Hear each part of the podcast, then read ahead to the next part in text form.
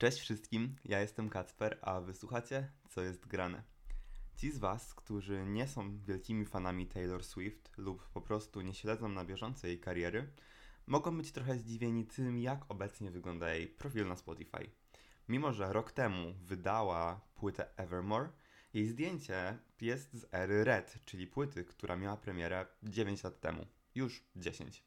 Co więcej, dwa z jej albumów są sygnowane znakiem Taylor's Version. Jest to właśnie Fearless i Red sprzed paru dobrych lat. I praktycznie nie różnią się od oryginału, oprócz tego znaku Taylor's Version oraz okładki. O co w ogóle z tym chodzi i czym jest Taylor's Version? Krótko mówiąc, są to nowe wersje jej utworów, nagrane specjalnie po to, by Taylor miała pełne prawo do swojej muzyki, którą tworzyła przez sześć poprzednich albumów. Na razie wypuściła dwa z nich, cztery czekają jeszcze w kolejce. Ale żeby zrozumieć dokładnie, o co chodzi z tym Taylor's Version i właściwie dlaczego nagrywa te albumy, które brzmią praktycznie tak samo, musimy cofnąć się parę lat w czasie. Zacznijmy od tego, czym w ogóle są re-recordings, bo tak profesjonalnie nazywa się te nowe wersje albumów. Zgodnie z amerykańskim prawem, nagrania muzyczne możemy podzielić względem własności na dwa rodzaje. Pierwsza własność to własność, która broni tylko dźwięk i brzmienie. Druga z nich to własność, która broni całą pracę muzyczną, czyli kompozycję, tekst i muzykę. Pierwsza z nich, ta, która broni dźwięk, jest tak zwanym masterem. Jest to nagranie baza, z której to tworzy się płyty, tłoczy się winyle i wrzuca te utwory na wszystkie serwisy streamingowe. Właściciel masterów ma wyłączne prawo nad dystrybucją płyty oraz otrzymuje bardzo dużo pieniędzy ze wszystkich streamingów oraz całej sprzedaży. Również wyraża zgodę na użycie tych utworów w różnych filmach, reklamach czy też występach. Re-recording polega na stworzeniu nowego mastera, nowej bazy. I nie we wszystkich przypadkach się to sprawdza, zwykle się tego nie robi. Jednak w przypadku Taylor Swift jest to dość skomplikowana sytuacja. I teraz musimy przenieść się w czasie. W 2005 roku zaledwie 16-letnia Taylor Swift podpisała kontrakt z wytwórnią Big Machine Records, który opiewał na zatrważające 13 lat. Podczas tych 13 lat Taylor wydała 6 albumów. Każdy kolejny osiągał coraz większy sukces i osiągał coraz wyższe wyniki sprzedażowe, więc Taylor była tak naprawdę główną artystką, która kumulowała zarobki tej wytwórni Big Machine Records. A że miała wtedy zaledwie 16 lat i marzyła o pracy nad własną muzyką, kontrakt ten nie był zbyt dobry dla niej. Był dobry dla wytwórni, ponieważ zgodnie z nim wytwórnia Big Machine miała własność nad tymi wszystkimi masterami, czyli własność nad dystrybucją oraz sprzedażą tych płyt w zamian za e, tantiemy finansowe względem Taylor Swift. W przeciągu lat 2006-2017 wydała też 6 albumów i choć wytwórnia miała mastery, to Taylor otrzymała prawa autorskie do tych utworów, dlatego że funkcjonowała jako autorka oraz kompozytorka. Sama pisała wszystkie swoje teksty, stąd też powstał jeden z jej żartów, że gdyby miała stworzyć wielką imprezę, e, na którą zaprosiłaby wszystkie osoby odpowiedzialne za pisanie tekstów na płytę Speak Now, to przyszłaby tylko ona, dlatego że sama napisała wszystkie teksty oraz skomponowała te utwory. I dlatego, że jej wkład w tę muzykę był tak ogromny, otrzymała prawo autorskie, dzięki czemu ma prawo do stworzenia nowej bazy, czyli nowych masterów z tymi samymi tekstami i melodiami, ale jednak prawa będą w pełni jej. W 2018 roku umowa z Big Machine Records wygasła. Taylor przeszła do kolejnej wytwórni, Republic Records, gdzie wydała płytę Lover, a później też kolejne albumy Folklore i Evermore. Już mając pełne prawa nad swoją muzyką, a że Taylor Swift stanowiła dokładnie 80% przychodu wytwórni Big Machine, to wiadomo, że wytwórnia ta upadła. Z tego powodu mastery zostały sprzedane. Jednak nie zostały sprzedane samej artystce. Za 300 milionów dolarów prawo nad tą muzyką wykupił Scooter Brown, znany w kręgach muzycznych jako przede wszystkim menadżer Justina Biebera, Ariany Grande, Demi Lovato. Współpracował z wieloma artystami i znany był też z tego, że nie pałał szczególną sympatią do Taylor Swift, a raczej działał na jej niekorzyść, wspominając choćby e, sytuację z Kanye Westem i teledyskiem do Famous oraz tekstem tej piosenki, w której raper obraża artystkę. I dokładnie wtedy, w 2019 roku, własność nad 13-letnią pracą artystki, nad jej sześcioma albumami, przeszła w ręce obcego człowieka, który nie życzył jej dobrze. Wszystkie pieniądze z serwisów streamingowych za odtwarzanie tego utworu szły do jego rąk. Jedynie niewielki procent tantiemów wędrował do Taylor, właśnie za to, że była odpowiedzialna za teksty i kompozycję. Co więcej, Scooter Brown decydował również o tym, jak te piosenki czy albumy zostaną wydane. W każdej chwili mógł stwierdzić, że zdejmujemy piosenki i płyty ze wszystkich serwisów streamingowych, bo miał do tego pełne prawo. Mógł też decydować o tym, jak te piosenki zostaną wykorzystane, choćby w radiu, w telewizji, w reklamach. Miał po prostu pełną własność nad 13-letnią spuścizną Taylor Swift. 30 czerwca Taylor dowiedziała się o tym, że jej praca została sprzedana, bez jej wiedzy.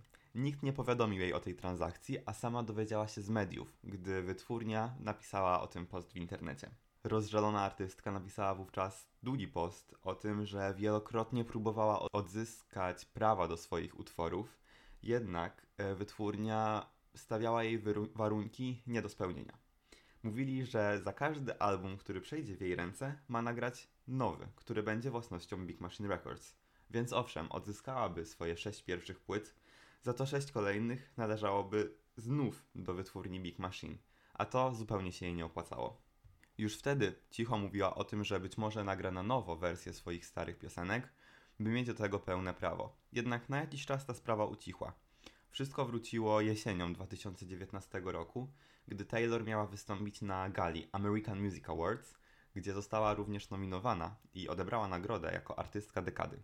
Wtedy Scooter Brown zablokował e, jej możliwość wystąpienia ze starymi utworami, bo nie, nie pozwolił jej wykorzystać tych starych ścieżek i nie mogła z nimi wystąpić. Nagrała również dokument dla Netflixa Miss Americana, w którym również nie mogła wstawić swoich starych piosenek. Dlatego pomiędzy różnymi scenami słuchać jedynie piosenki z Lover, tej najnowszej płyty, w najnowszej wówczas płyty, do której Taylor miała już pełne prawo.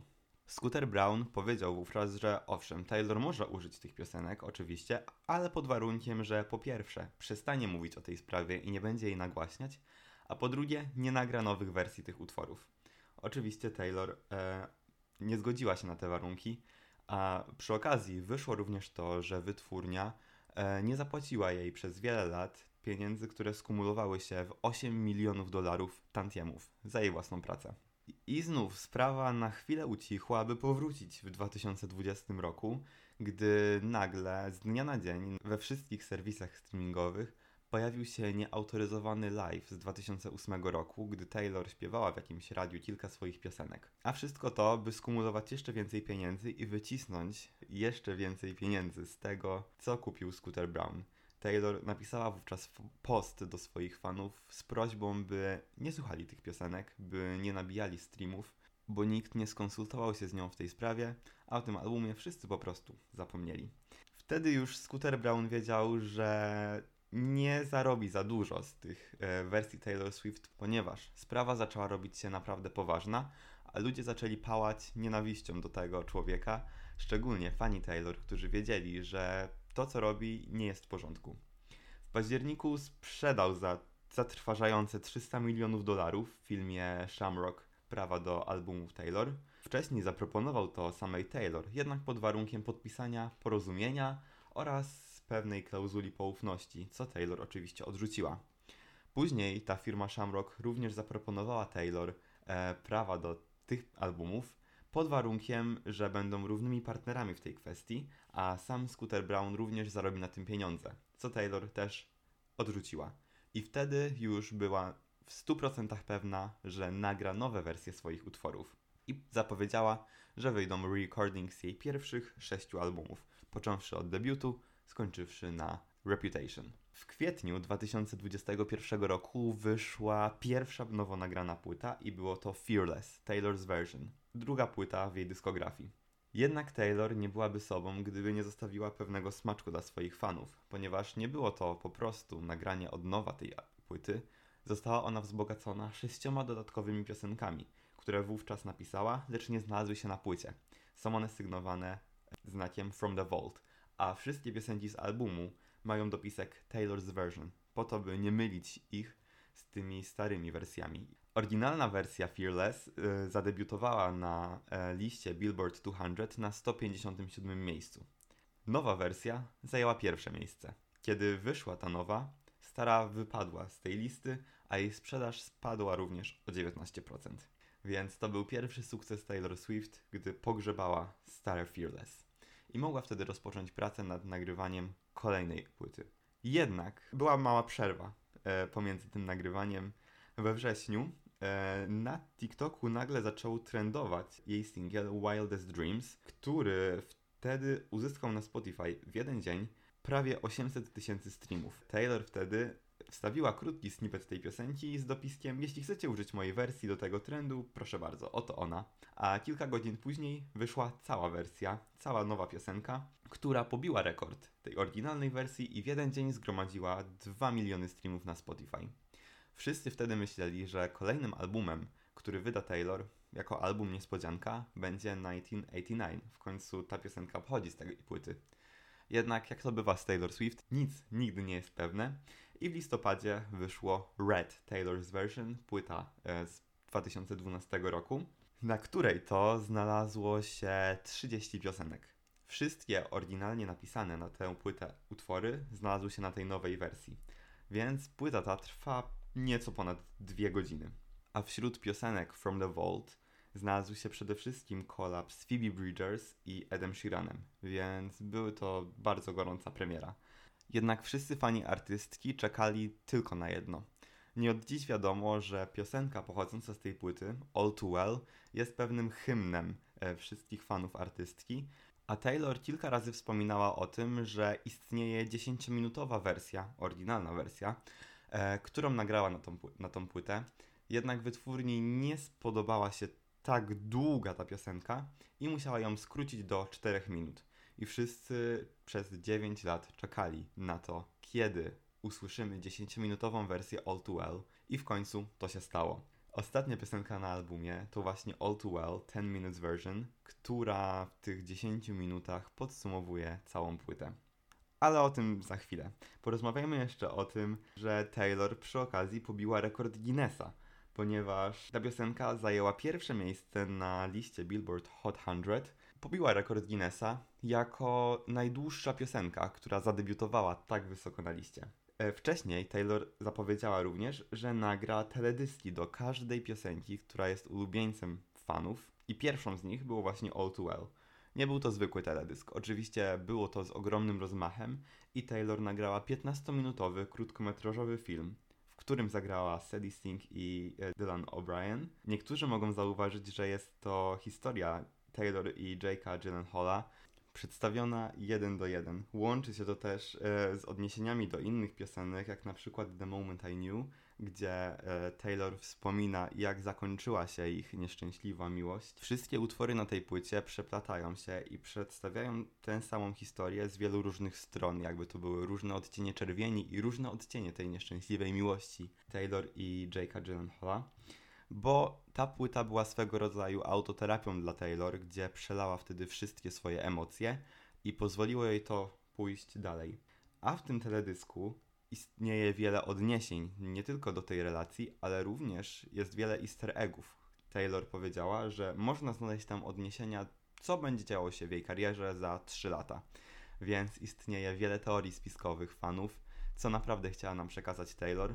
Jednak myślę, że jak wszystkie te teorie, żadna z nich się nie sprawdzi, bo jest to ukryte tak dobrze, że dowiemy się dopiero za 3 lata i dopiero wtedy zauważymy, co naprawdę chciała przekazać Taylor Swift. O ile te 10 lat temu Red został nominowany do nagrody Grammy i nikt nie mówił o tym zbyt wiele, nowa wersja Red obiła się ogromnym echem we wszystkich magazynach muzycznych. Magazyn The Rolling Stones dał tej płycie 100 na 100 możliwych punktów opisał ten album jako album kompletny, bo te dodatkowe utwory From the Vault nie są dodane na siłę. Wszystkie te 30 piosenek opowiada właśnie, jak wspomniałem, pewną historię nieszczęśliwej, krwawo-czerwonej miłości. Więc wszystko się uzupełnia i wszystko jest potrzebne. I dzięki temu, że mamy te kilka dodatkowych piosenek, mamy lepszy ogląd na to, jak Taylor sama widzi tę płytę. więc ten re-recording sprawił, że Red jest jeszcze lepszy. Jednak z Taylor's version jest mały problem.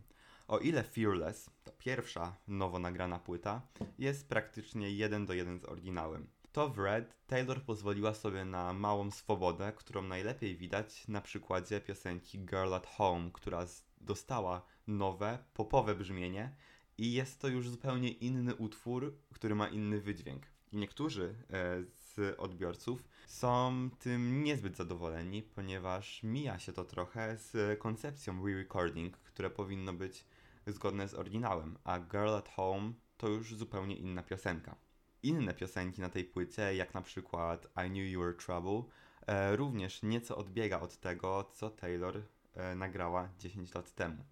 Więc Fearless jest dosłownie odbiciem tego, jak wyglądała ta płyta wtedy. Red już trochę od tego odbiega. Zmienił się nie tylko wokal artystki, ale również niektóre z tych brzmień. A wracając jeszcze do Red jako płyty, jest to taki mały miszmasz popu, country i alternatywy, jednak w tym szaleństwie jest metoda, ponieważ jest to album eksperymentalny, który jest pewnym mostem pomiędzy poprzednią country wersją Taylor, a tą nową popową. I znajdziemy tutaj właśnie takie bardzo country kawałki, jak na przykład I Bet You Think About Me, który jest żywcem wyjęty z tych poprzednich Air Taylor. Jednak z tych piosenek From the Vault jest też popowa perfekcja, czyli Message in the Battle, który równie dobrze mógł znaleźć się na 1989. I wszyscy teraz zastanawiają się, który album będzie kolejny, na co padnie teraz. Niektórzy mówią, że będzie to Speak Now, inni, że 1989, a niektórzy, że Taylor wyda te dwa albumy w tym samym czasie jako niespodziankę. Myślę, że musimy po prostu poczekać, bo na każdy album przyjdzie czas, są jeszcze cztery, a Taylor zrobi coś, czego nikt się nie będzie spodziewał.